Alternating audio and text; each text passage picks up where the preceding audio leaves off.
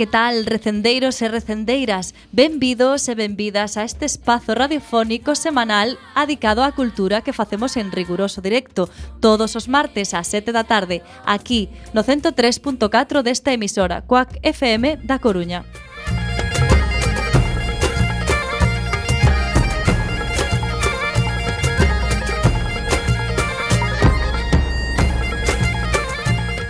A agrupación cultural Alexandre Bóveda presenta este programa que podedes escoitar polas ondas radiofónicas ou a través de internet e tamén en directo na páxina emisora cuacfm.org.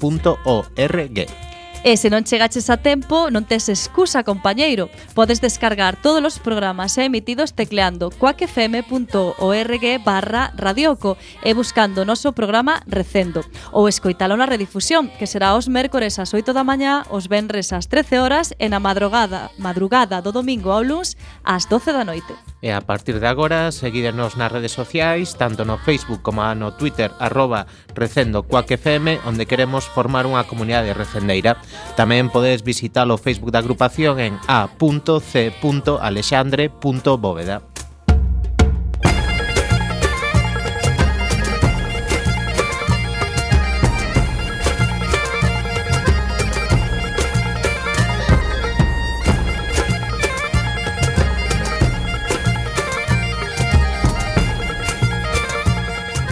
E xa sen máis imos caraló na procura desta fantástica aventura cultural con Roberto Catoira no control técnico e falándolles coa Almanteira, Javier Pereira e Marta López.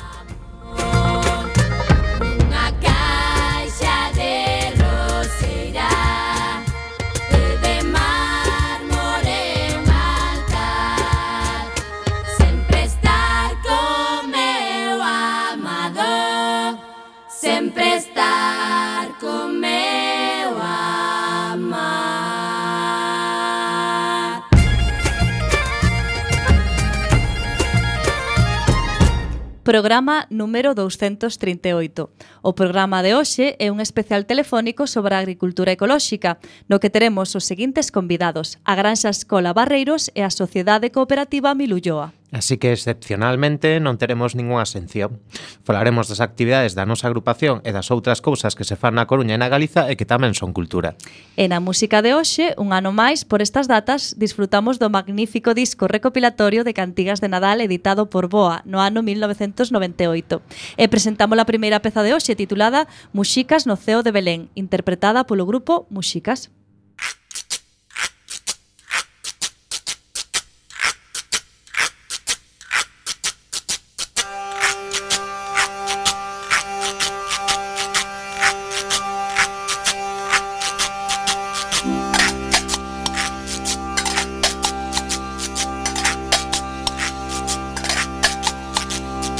Esta noite, noite boa, vamos todos a Belén. E veremos o meniño que naceu con noso ben. Esta noite, noite boa, cantaremos yo recén Canxoliñas, aninovos e bandeira das tamén.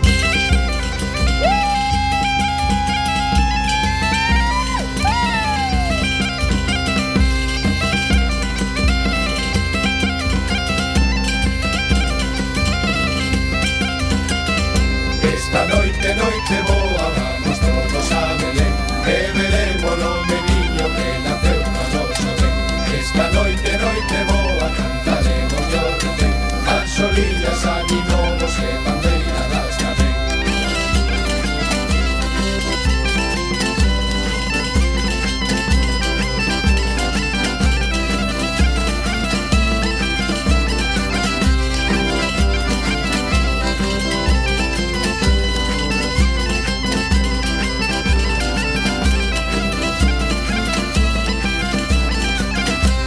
Esta noite, noite boa, cearemos a peche Bacalhau con coliflor e langostinos do bebés Esta noite, noite boa, beberemos todos ben Palmariño de capados e champán. Como? Eu caña Eu ervas A min licor café. Eu mambo.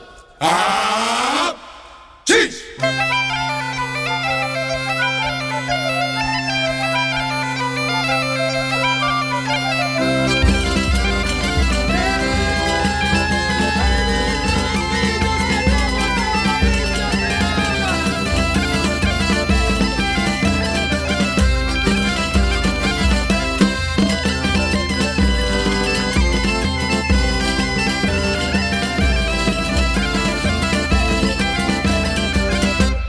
Esta noite, noite boa, vamos todos a Belén. E veremos o meniño que naceu pro noso ben. Esta noite, noite boa, e mañá de Navidad. E pasado nos pejados teremos que traballar. Esta noite, noite boa, e mañá de Navidad. E pasado nos pejados teremos que traballar. Esta noite, noite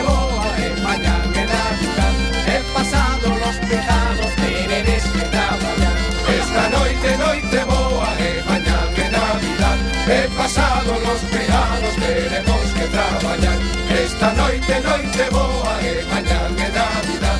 E pasado los peados teremos que traballar Esta noite, noite boa e mañá é Navidad. E pasado los peados teremos que traballar Esta noite, noite boa e mañá é Navidad. E pasado los peados teremos que traballar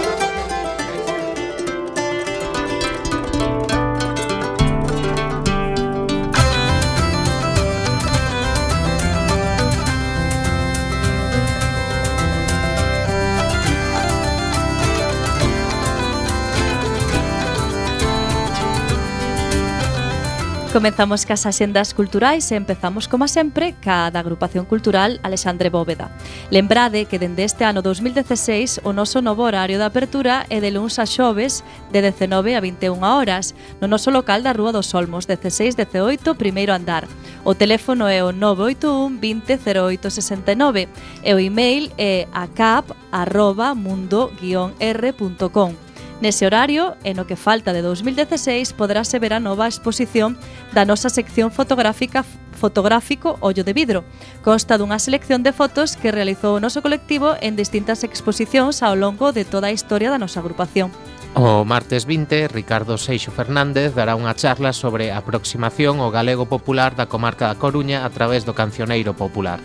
Será ás 20 horas no noso Salón de Actos. E o mércores 21, Uxío Breogán Dieguez Ezequiel dará unha charla sobre reivindicación identitaria e lingüística na Coruña das Irmandades da Fala. Será ás 20 horas no noso Salón de Actos.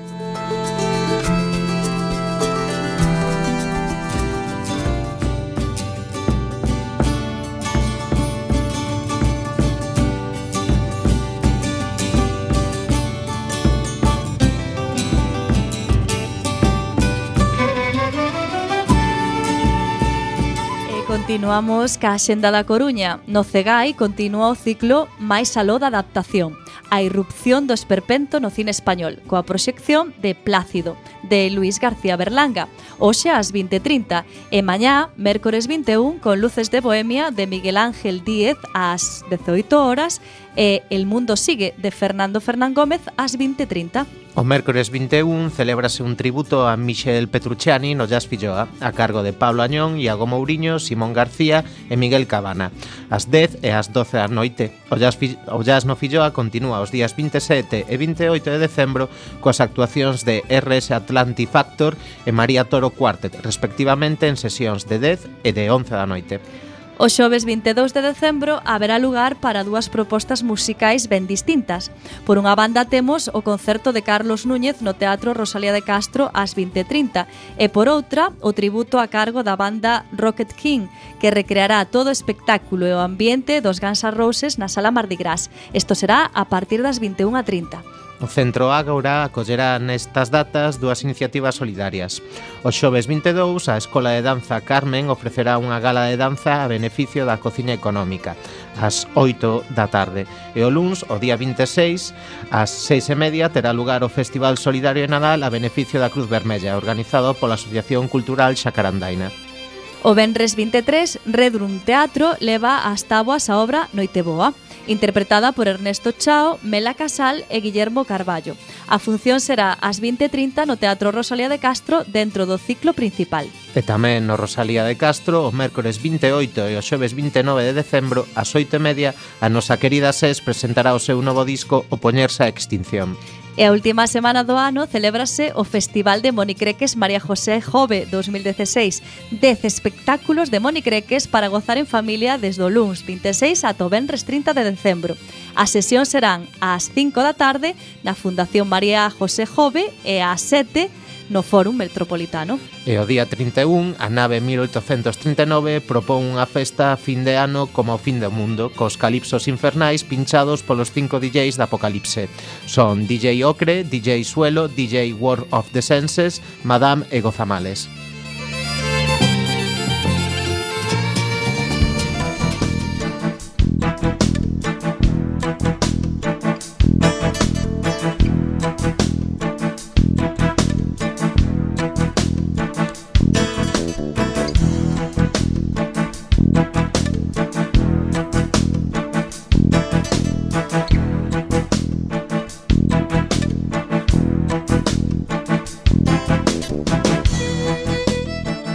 Imos agora ca Xenda de Galiza. Empezamos, como sempre, con Lugo.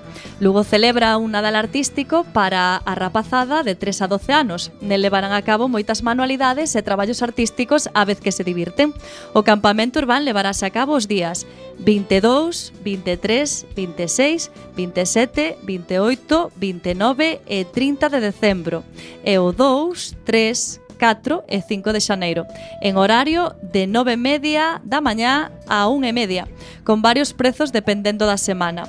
O lugar que acolle estas actividades é Mil Cores, situado na Ronda de Fontiñas 176. Viaxamos ata Ourense, chega dende Moldavia a Estade Filarmónico Orchestra da Ópera de Chisinau, dirixida polo prestixioso director Dumitru Karchiamaru. O talento e virtuosismo dos seus músicos fai posible compaxinar actuacións operísticas e de ballet con concertos sinfónicos, obtendo unha considerable popularidade non só en Chisinau, senón tamén no estranxeiro. Será o xoves 22 ás 8:30 no Teatro Principal na Rúa da Paz número 9. En Pontevedra, a Vila do Lerez acolle a primeira gala internacional de ilusionismo en Vigo, Galicia Magic Fest 2016. Non será este único pase do espectáculo en terras galegas. Junque, Juan Sen, Charlie Mack, Disguido Tanamanga e Pedro Volta son artistas que pretenden sorprender e entreter, facendo o público Belief in Masia. A data elixida é o Día dos Inocentes, o próximo día 28 de decembro no Auditorio Sede a Fundación, ás 18.30. Pegamos un chimpo ata Santiago, en Compostela podemos ver o concerto tejano Mika Pejinson, un cantautor e guitarrista de americana a música tradicional dos Estados Unidos. Ten trascendido os límites da escena alternativa da converterse nun músico moi respectado. As súas composicións emanan un carácter catártico que reflexa a súa propia vida precoz e problemática, do, rehabilitación e tranquilidade ante a superación. Será o martes 27 ás 9:30 na Sala Riquela, na Rúa do Preguntoiro número 30. 45.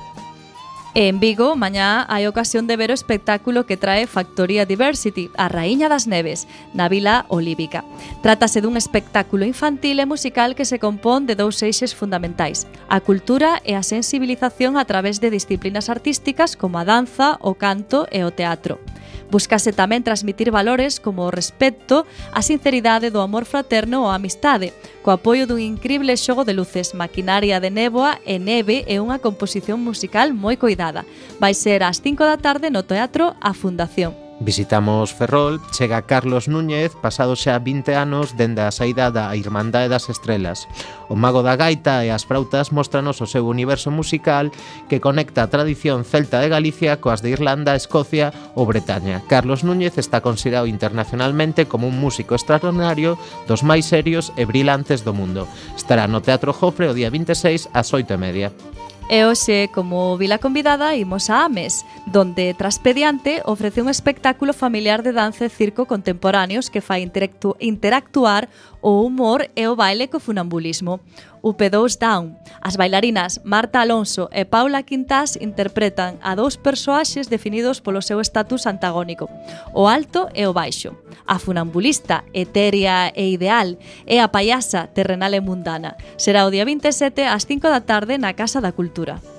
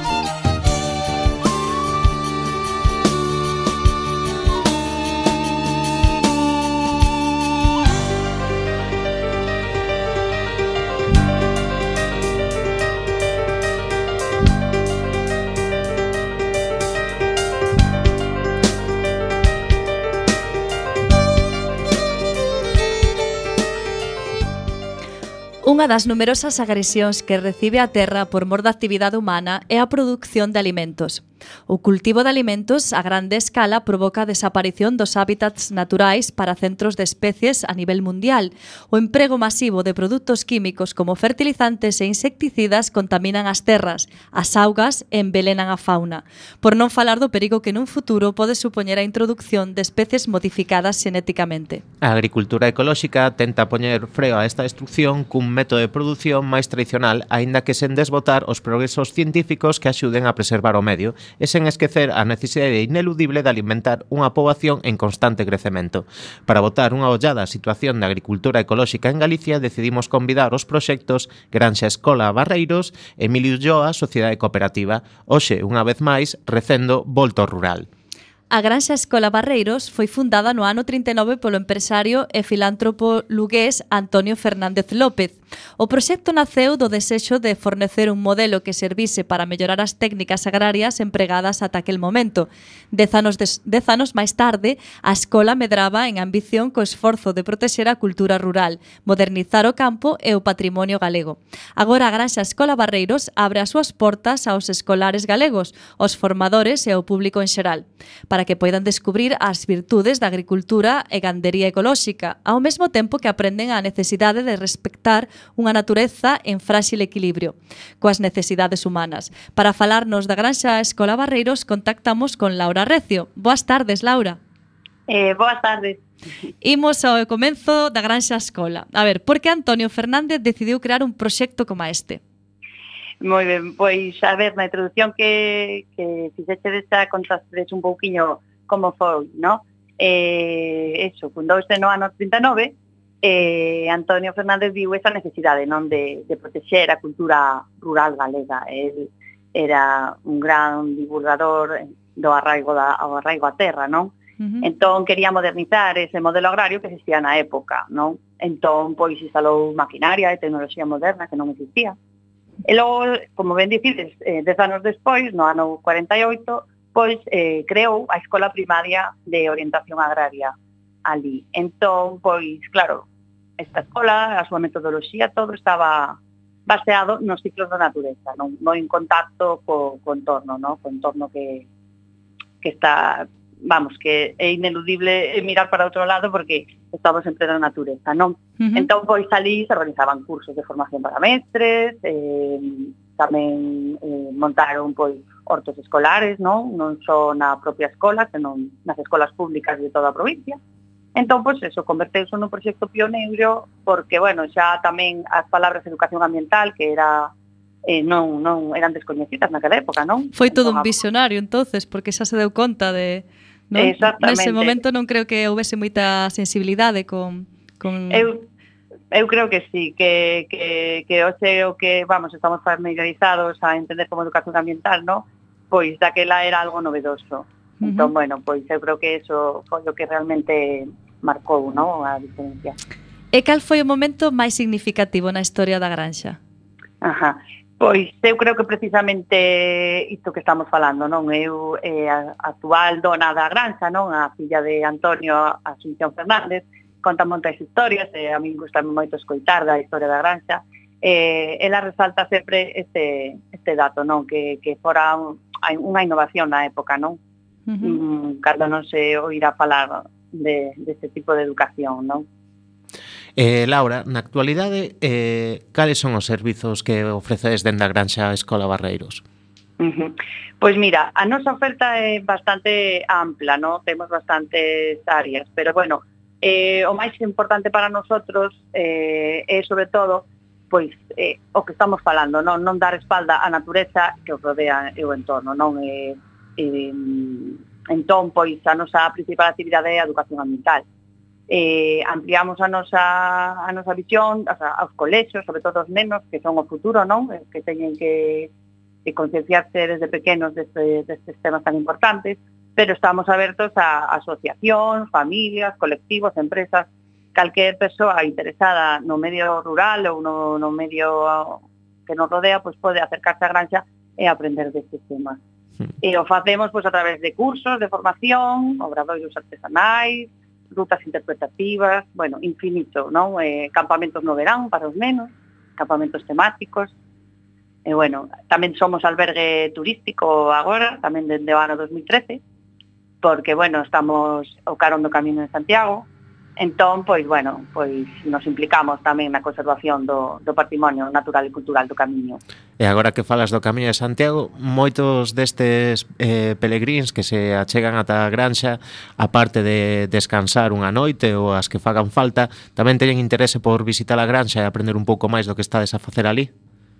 Sí, sí, eh, a, o interese é grande. Eh, bueno, a verdade é que se quedan sorprendidos, non?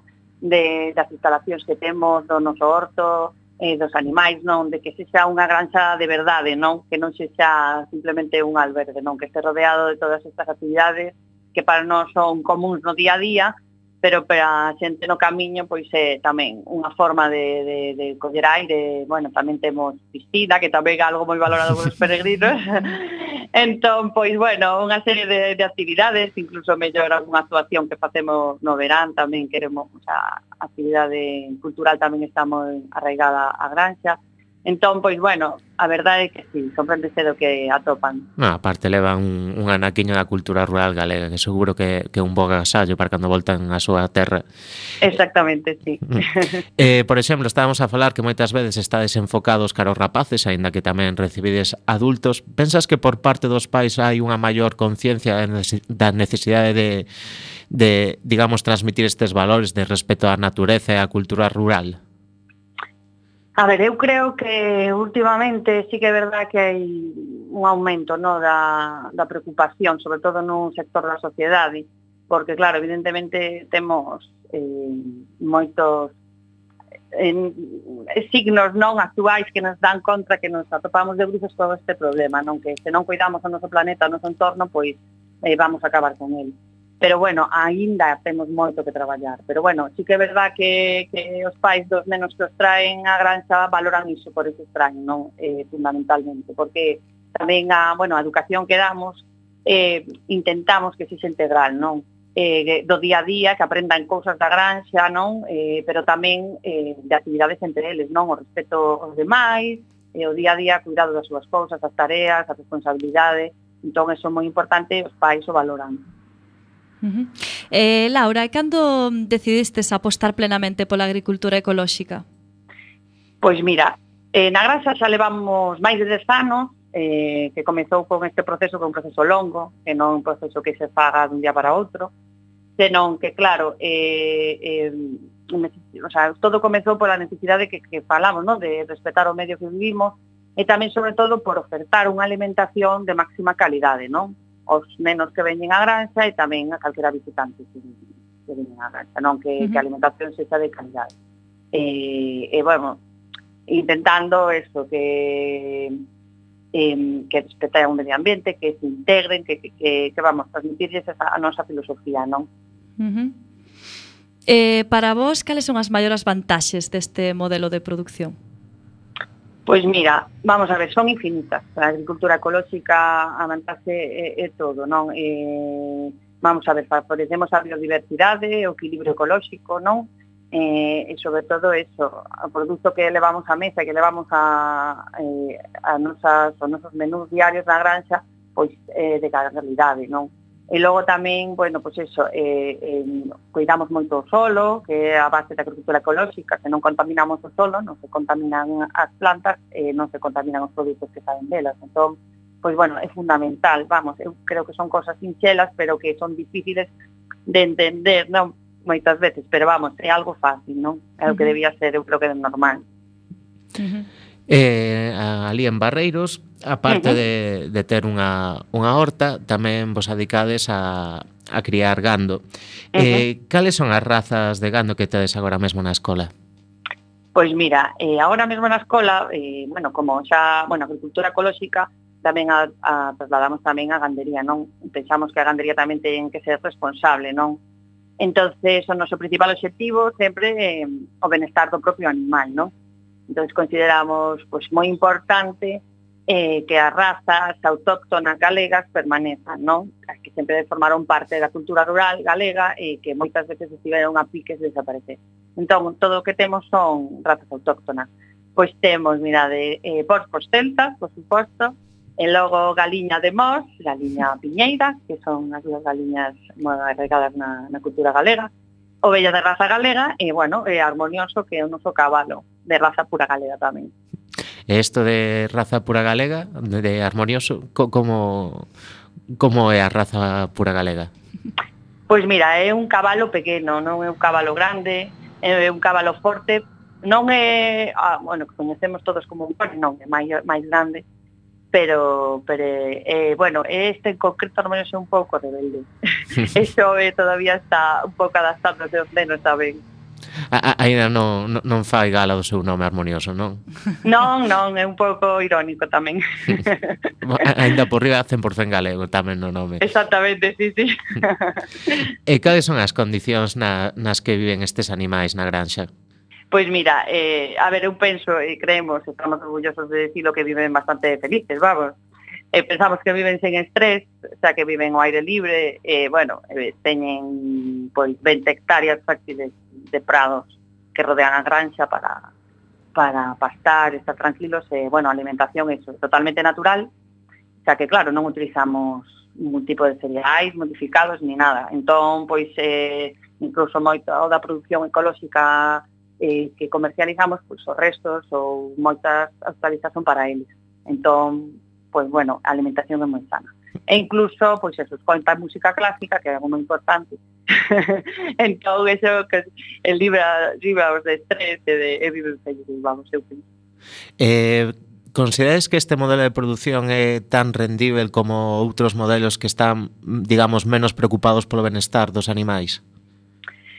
A ver, está claro que, que o modelo de produción ecolóxica é máis caro, non? É máis caro por diversos motivos, non? Xa, eh, todo, todas as sementes. Nos intentamos facer semilleiros na granxa e a maioría das, das sementes saen de nosotros, pero non é pero as sementes que se mercan ecolóxicas sempre son de alto máis caras. E, bueno, todos os cuidados ten un, claro, preciso unha extensión que tens que cuidar, aínda que se, as ovellas, por exemplo, pues, fan, fan de, vamos, pastando, pois, eh, suplen moitas tarefas no, da granja.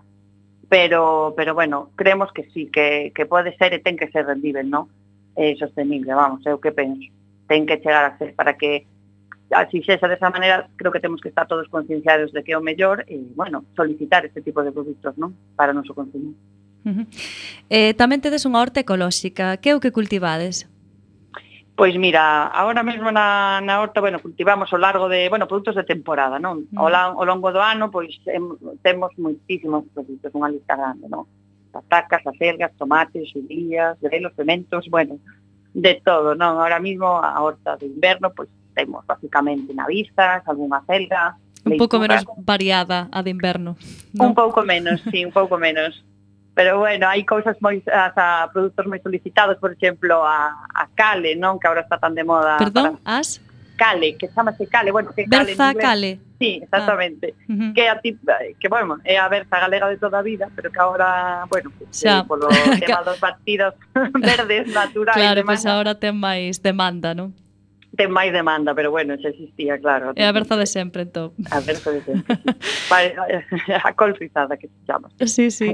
e que requisitos tedes que cumprir para poder ser considerados granxeiros ecolóxicos?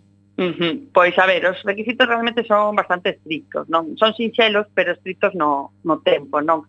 Eh, principalmente, claro, non podemos utilizar ningún tipo de produto químico na horta, xa mm. -huh. sexa fertilizante, ou plaguicida, ou herbicida, insecticida, eh, non, non temos que manter os solos eh, sans, non? Sí. Eh, que é a base da nosa agricultura ecolóxica, vamos, o, o solo.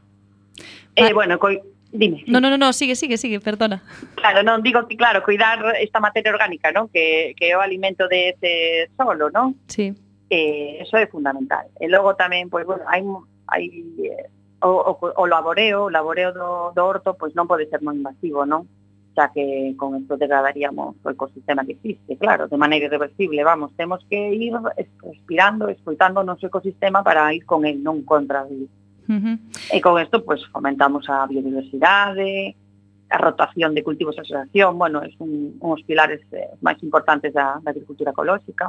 Mm. E, bueno, o Consello Regulador da Agricultura Ecolóxica de Galicia é o que se encarga de que todo isto este ao día, ¿no? facendo estudios e, e visitas regulares. Bueno, imagino que como non podedes utilizar evidentemente plaguicidas ni cousas desas, tedes que eh, combinar distintos cultivos, non? Que se axudan ao mellor mutuamente uh -huh. para evitar certas plagas ou sachar supoño, Exactamente. No? O de toda a vida tamén. No, no? O de toda a vida, sí. Sacar as ervas a man e sachar e esas cousas. As no? malas ervas, exactamente. Sí, a ver, a asociación de cultivos é, é moi importante porque, bueno, é eso, é un sustituto de, dos produtos químicos para, para abolir, pois pues eso, as semidas plagas, non? Tamén é verdad que, que, que mm, Eh, bueno, eh, son moitos os factores, non eh, como non se pode, non podemos, vamos, na agricultura ecolóxica non é o millor, non podemos ter grandes extensións de monocultivos, non? Entonces, non, entón, claro. claro, temos esa biodiversidade, que é o que máis se parece ao ecosistema real e natural, non? Mm. Entón, pois, eh, pois iso todo eh, vai en función, eh, se todas as bases da, da agricultura ecolóxica establecense de, de base ben, pois non ten por que temos unha plaga, non? Se facemos unha rotación de cultivos e cada ano plantamos diferente produto na mesma na mesma parte da horta, pois esas plagas que, o, sea, o que quero decir é que se descontrolan, é dicir, se ti cambias ese cultivo, cambias o sustrato, non vas a proliferar, non vas a facer que esa plaga sus, eh, poda subsistir ano tras ano, non ten que ir, porque non, non se atopa o mesmo, non? Mm. -huh. Entón, eso é importante. Iso, a asociación de cultivos, pues, plantar aromáticas ao redor da horta é moi importante, porque as lavandas, pois, por exemplo, eh, pois, eh, fan que os pulgóns non, non vayan aos cultivos, eh, vayan hacia a lavanda, sabes? Son cosas sí, que son sinxelas, Eh, Pero que hai que ter en conta a hora de... Conta. Bueno, eu sabía que as berenxenas atraen os escarabellos das patacas. pois Pero claro, se si queres ter berenxenas, pois... Exactamente, sí, ese tipo de ese tipo de asociación. Sí, que vamos, a nosos avós, pois pues eso saben de sempre. Entón, eh, non hai que deixar de escoitalos, non que dinos cousas moi, vamos, mm. moi acertadas. E como podemos conseguir algúns destos produtos tan estupendos que tedes? Vale, pois mira, nos, eh, os nosos produtos, vamos, eh, se poden adquirir directamente na nosa granxa, que invito a toda a audiencia que venga a visitarnos, pero logo tamén, a vernos eh, este ano estamos abastecendo algunha tenda de, de produto ecolóxico, tanto en Lugo como en Sarria. Entón, uh -huh. pois en Lugo eh, temos a, a despensa do Bo Francisco, a Pipa da Lúa e eh, Vico de Grau, non? E logo eh, Ecoespacio Vitriol en Sarria. E logo en Sarria tamén, como, como era? Porque se me interesa. Ecoespacio Vitriol.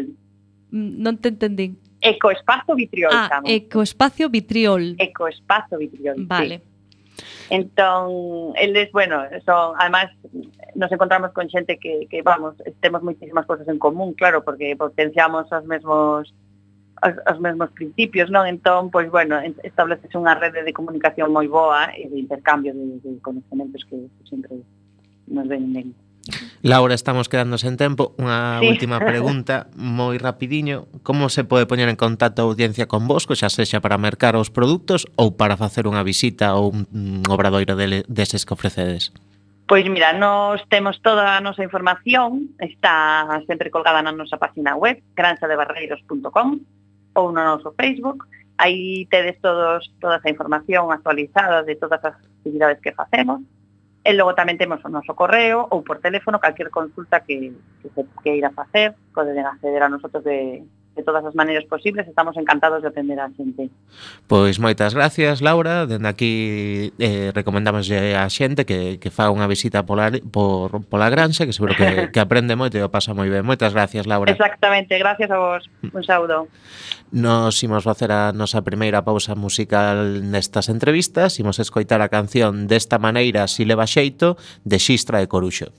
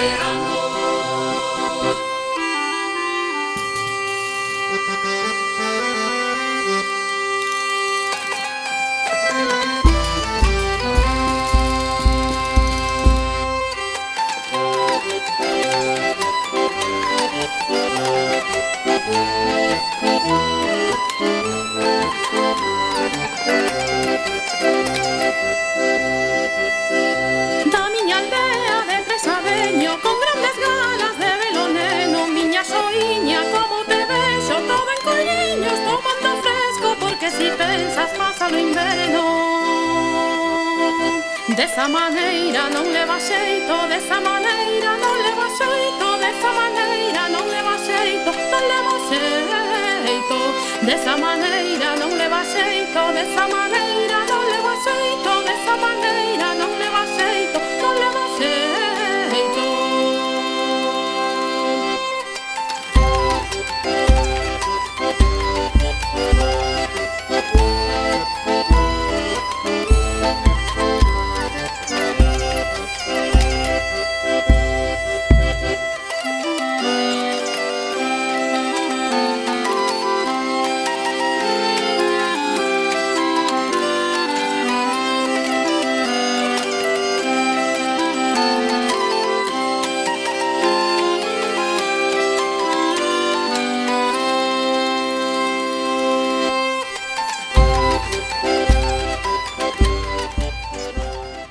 Milulloa é unha cooperativa dedicada ao cultivo de plantas medicinais e hortalizas, dispoñendo un terreo de 10 hectáreas en Palas de Rei, á beira do Camiño Francés, o seu paso pola localidade lucense. Nesta mesma finca contan cunha pequena industria na que rematan de elaborar os seus produtos mediante un proceso de deshidratación. Toda a súa produción basease na agricultura ecolóxica, pois garante uns resultados de mellor calidade e totalmente respectuosa co medio. Milulloa ofrece grelos deshidratados, infusións como artemisa, caléndula célula ou salvia, especias como canela, cravo, tomiño ou romeu, entre outras, así como oleatos elaborados no propio laboratorio da cooperativa. Milulloa é socia fundadora de COP57 Galiza, unha cooperativa galega que dendo 2009 destina os seus propios recursos a dar préstamos a proxectos de economía social. Para contarnos máis de Milulloa, hoxe acompáñanos Chusa, unha das socias. Moi boas tardes, Chusa. Boas tardes. Pois, Chusa, para comezar por nesta entrevista, imos ir ao principio. Eh, contanos, por favor, como nace o proxecto de Milulloa. Bueno, pois o proxecto nace a raíz de un máster de emprego que fixemos a miña compañeira Carmela Lleu, aí polo ano 2000, e, bueno, era un máster para a creación de empresa para mulleres, e, bueno, apuntámonos, a verdade é que tiñamos, eu dispoñado terreo, que era da miña familia, estaba abandonado na, na, no coto, en Pala, que pertenece a Palas de Rei, E, bueno, ocorreusenos a mm, fantástica idea por aquel entón, que despois de moito andar, pois, bueno, saliu ben, pero pasamos moitos atrancos, de cultivar plantas medicinales e, e un pouco, pois, transformalas, non? Eh, por que as plantas medicinais non outros bueno, cultivos? Bueno, a verdade é que a miña compañeira fixo biología, eu fixera farmacia, nos encantaba o tema eh, das plantas, e, bueno, por aquel entón non se levaba tanto o tema como agora, que está moito de moda as infusións, pero, bueno, nós pensábamos que as plantas, pois, servían para un montón de cousas, non? Eh, desde mm, introducilas no mercado como tanto como infusións, especias, ou como pois o, a maneira de, de tratalas como cosmética, non? E, bueno, realmente estamos contentas porque justamente este ano acabamos de sacar aí 20 días eh, unha, unha leite corporal, cun oleato de Milenrama e máis ca, co leite de Granxa Maruxa. Entre as dúas empresas fixemos unha SL, sen límites, como decimos nós, e, bueno, aí parece que por fin, non, o de seguir estando na nosa cooperativa na produción primaria, pois que alcanzamos pois o noso, digamos, eh, cenit, non, de decir, bueno, por fin transformamos como quixemos, como queríamos desde un principio, pois chegar a un produto mai, moito máis elaborado, non? E Granxa Maruxa, que ese nome trabuco tamén moi coñecida polo, polas súas galletas, non?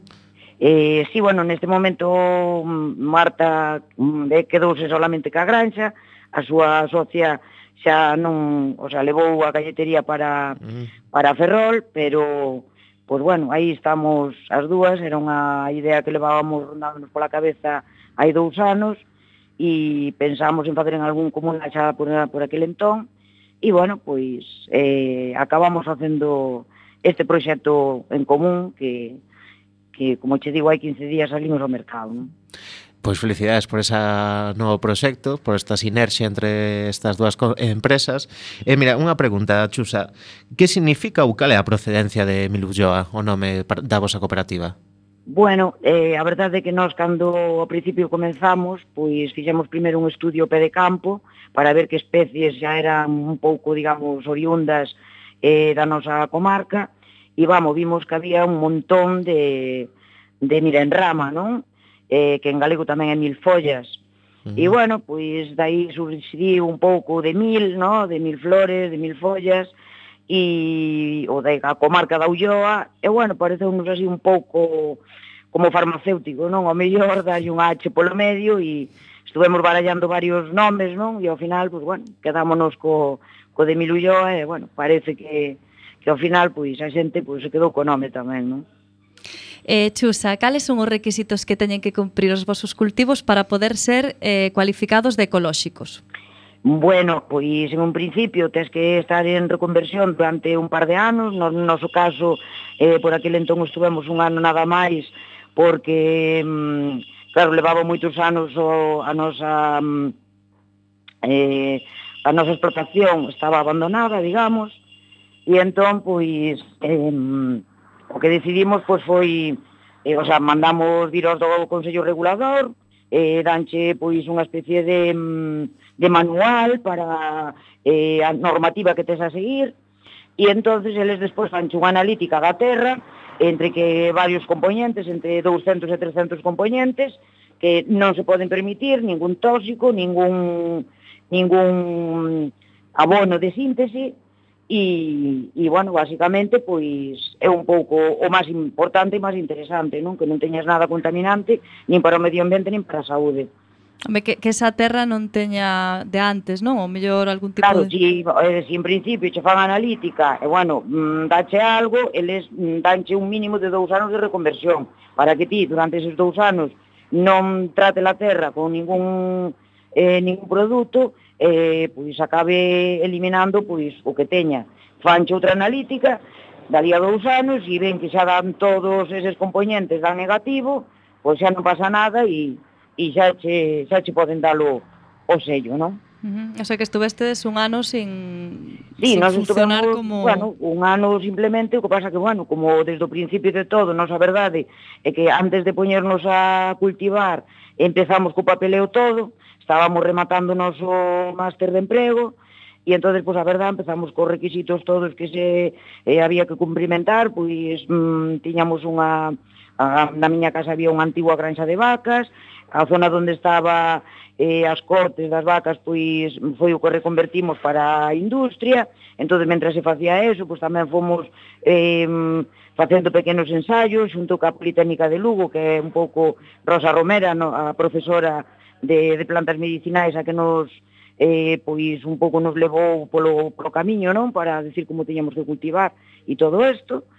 E, bueno, xa nese tempo todo entre reconvertir a a, a como, o, o, donde estaba ahogando en unha pequena industria e ir pois dilucidando o que íbamos a cultivar e como, pois xa pasou o ano, non? Entón, pois bueno, como xa nas primeiras analíticas deu todos os componentes cero, pois bueno, non tivemos moita máis problemática.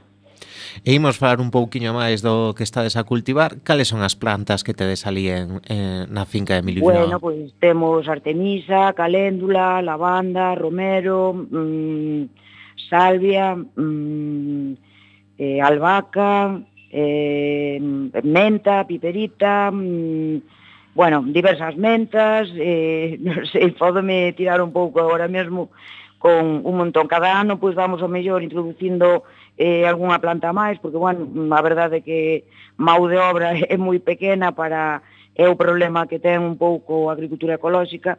Temos, temos que nos pasar parte bastantes horas eh, limpando as malas ervas, porque, claro, non hai outra metodoloxía, non? E ten que ser a man. E entonces, pois, bueno, a verdade é que vamos ampliando pouco a pouco, pero eh, Ourego tamén, Ourego que, bueno, nos Ourego ten bastante éxito e temos bastante eh, cantidade plantada e, bueno, eh, o que damos feito, non, basicamente, non, porque claro, cando empezas a limpar a principios de primavera e tens unha parte limpa, con noso clima fantástico, pois como chove, fai solete, pois volven outra vez a salir malas ervas, non? E entonces estás a cotío, pois, diario limpando, non? Entonces, pois, bueno, tampouco...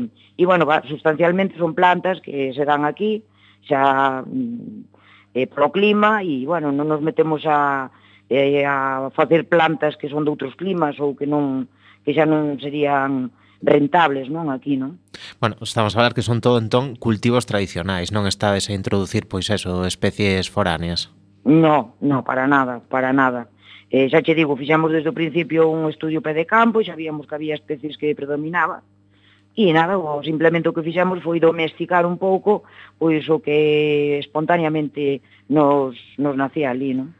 Bueno, Chusa, contades que é un esforzo moi grande ter que limpar todas as malas ervas que estorban os cultivos e que outras dificultades ten cultivar plantas medicinais? Home, basicamente, pois, o, o traballo peor é ese, pero outro dos factores limitantes que temos non en sí as plantas medicinais, non no noso caso, pois eh, un porcentaxe alto das nosas nosa entrada de cartos na cooperativa pois son os grelos deshidratados, non? E entonces pois que lle pasa aos grelos que necesitan moito aporte de materia orgánica. Que pasa que é moi complicado encontrar abono eh, ecolóxico, non? Para, para, para as terras. Entonces, ao mellor que as plantas, pois sí que nos vamos eh, apañando un pouco, digamos, temos ali un par de cabalos que é dun, dun amigo noso, e entón, pois, bueno, máis ou menos podemos ir entre o compost que facemos e, e os cabalos, pois podemos facer para as plantas medicinais. O problema é que se queremos plantar ao mellor 4 hectáreas de grelo, pois é complicado eh, conseguir ese abono. Que fixemos este ano? Pois fixemos un pequeno sinerxia, como decides, pois cali con, con un amigo noso de, de, la, de la Golada, que ten un vacas en ecolóxico e tamén vende, vende carne, que se chama Chotoiba, e, bueno, el ten unha extensión enorme, claro, ter animais, pues, sí que dispón de esterco, entonces nos plantou unha, un, bastante cantidade de grelos, entonces o que facemos é, pois eso, ímolos apañar ali a, a súa finca, como está cerquiña de onde estamos nós, e así vamos vamos paliando todos estes problemas que vamos tendo con, con todas estas deficiencias, non? Moi ben, Chusa. Eh, contanos un pouco máis da, do labor de COP57 Galiza.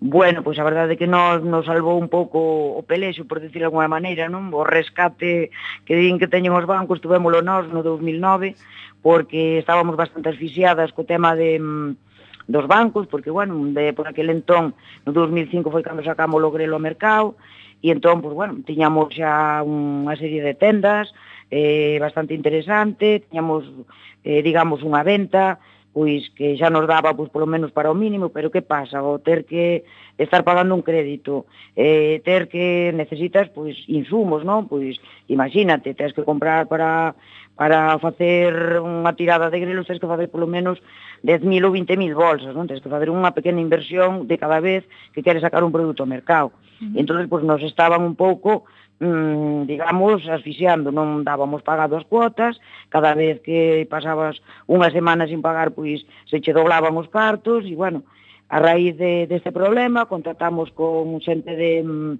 de, de Cataluña, que é onde procede este proxecto, de COP57, e, bueno, nos xuntamos en principio sete entidades, eh, decidimos formar COP57 Galicia, e, E a raíz dai, pois, pois bueno, é unha cooperativa de servicios financeiros, inda que teñamos que depender da banca tradicional para mm, para seguir movendo cartos, pois polo menos é o que funciona é, é moi ben, porque sobre todo eh, como é a filosofía un pouco, pois, bueno, eu, eu de, de feito estou na parte da comisión social, hai unha comisión social, unha comisión técnica, que a Comisión Social pois, é que se cumplan todos os requisitos de que eres unha cooperativa ou de que eres unha un, entidade de economía social, eh, que os proxe, o proxecto pois, é medioambientalmente sostible, bueno, etc. Non? Hai que cumplir unha serie de requisitos, eh, vamos a facer unha visita, e logo todo eso se lle traslada á comisión técnica, que realmente son os que mm, evalúan pois, un pouco o, o, a viabilidade do proxecto. Que é o máis interesante que ti a nivel de mm, de ter un aval ou unha cousa terrorífica, non. Simplemente, pois, se ti pides, imagínate, 30.000 euros, tens que xuntar, pois, eh, xente, mm, entre, eh, son avalistas, digamos, de algún xeito, pois cada un pon o que, bueno, pon, avalache, pois, mm. en caso de que a cooperativa vaya mal e haya que devolver eses cartos, pois imagínate, desde 100 euros hasta 2.000 euros, non? que é o máximo que che poden avalar entonces ti lle xuntas toda esa xente con esa cantidade de cartos, pois evidentemente, e é un proxecto non descabellado, senón medianamente viable, pois xa che prestan os cartos, non? É realmente é un, un alivio, non? Porque non é o mesmo que ti a día 15, pois que de repente tu veches que pagar un montón de cousas, e ven xa cuota e dixe, oye, mira, me esperas que a semana que ven che ingresos cartos, que esta semana veo mal. E bueno, eso non che revierta a ti en ter un montón de, como na banca tradicional, non? Que xa debe o doble, o triple, uh -huh. sabes? Entón, pues, bueno, a verdade é que estamos moi contentas con, con ca formación de COP57 de Galicia. Uh -huh. Eh, credes que a agricultura ecolóxica e a economía social son conceptos que, que teñen que ir da man, que van da man? Home, penso que, que é moi interesante, moi importante, non? Quero decir que, vamos a ver, agora mesmo eh, no mundo que vivimos estamos eh, vendo que non solamente xa a xente se preocupa eh, pola economía social ou polo medio ambiente, senón tamén pola propia saúde, non? Chega un momento que xa non o que respiras, nin o que nin o que comes, non? Hasta o, o tema, da, como falábamos antes da cosmética, non? Pois todo os teus eh, útiles de... Mm, de higiene personal ou de cuidado personal, pois mm, estamos vendo que cada vez a xente pois ten máis problemas, non? Saca máis alerxias, eh, non todo o mundo se pode botar as mesmas cremas ou tomar as mesmas comidas que antes, e entón, pois, bueno, penso que hai unha conciencia en xeral bastante importante, non? E vémolo, vémolo, porque a nivel de ventas, pois estamos vendo que realmente mm, nestes últimos catro anos de cara aquí, a pesar da crisis, pois, bueno, vimos incrementadas gratamente pois tanto nós como o resto da xente que estamos na economía social as súas vendas. Non? Chusa, a última pregunta, eh, moi brevemente, onde podemos conseguir os produtos de Milulloa, tanto os grelos, as infusións, os produtos cosméticos... Bueno, eh. temos eh... unha páxina, a páxina de Milulloa eh, punto com, entonces, bueno, aí entras na página, temos un listado de todas as tendas que hai en, a, a nivel de tanto a nivel de Galicia como, bueno, as pouquiñas que temos a nivel de España, non?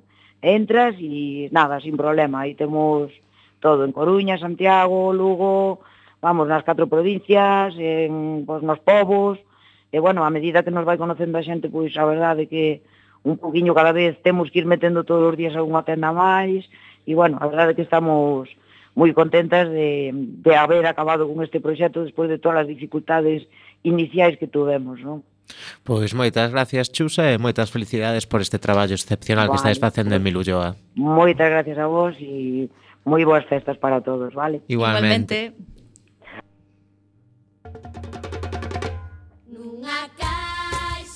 E sen tempo para máis odiseas imos chegando ao fin do camiño deste recendo.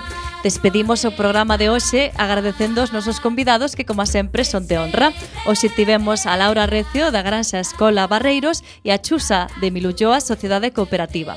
E agradecendo a semente pedra angular de todo o noso comando e equipo de produción formado por Antonio Brea, Manu Castiñeira, Roberto Catoira e Javier Pereira. E aquí estivemos Roberto Catoira nos controis e co alento no micrófono Marta López e Javier Pereira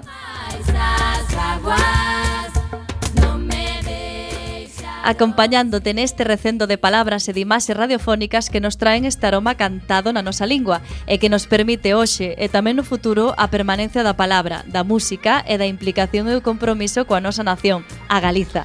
Este foi o noso último programa deste ano 2016, así que non nos veremos ata o 10 de xaneiro. Que teñades unhas boas festas e xa sabedes, eh, recendo as mil primaverias que terá o noso idioma o ano que ven.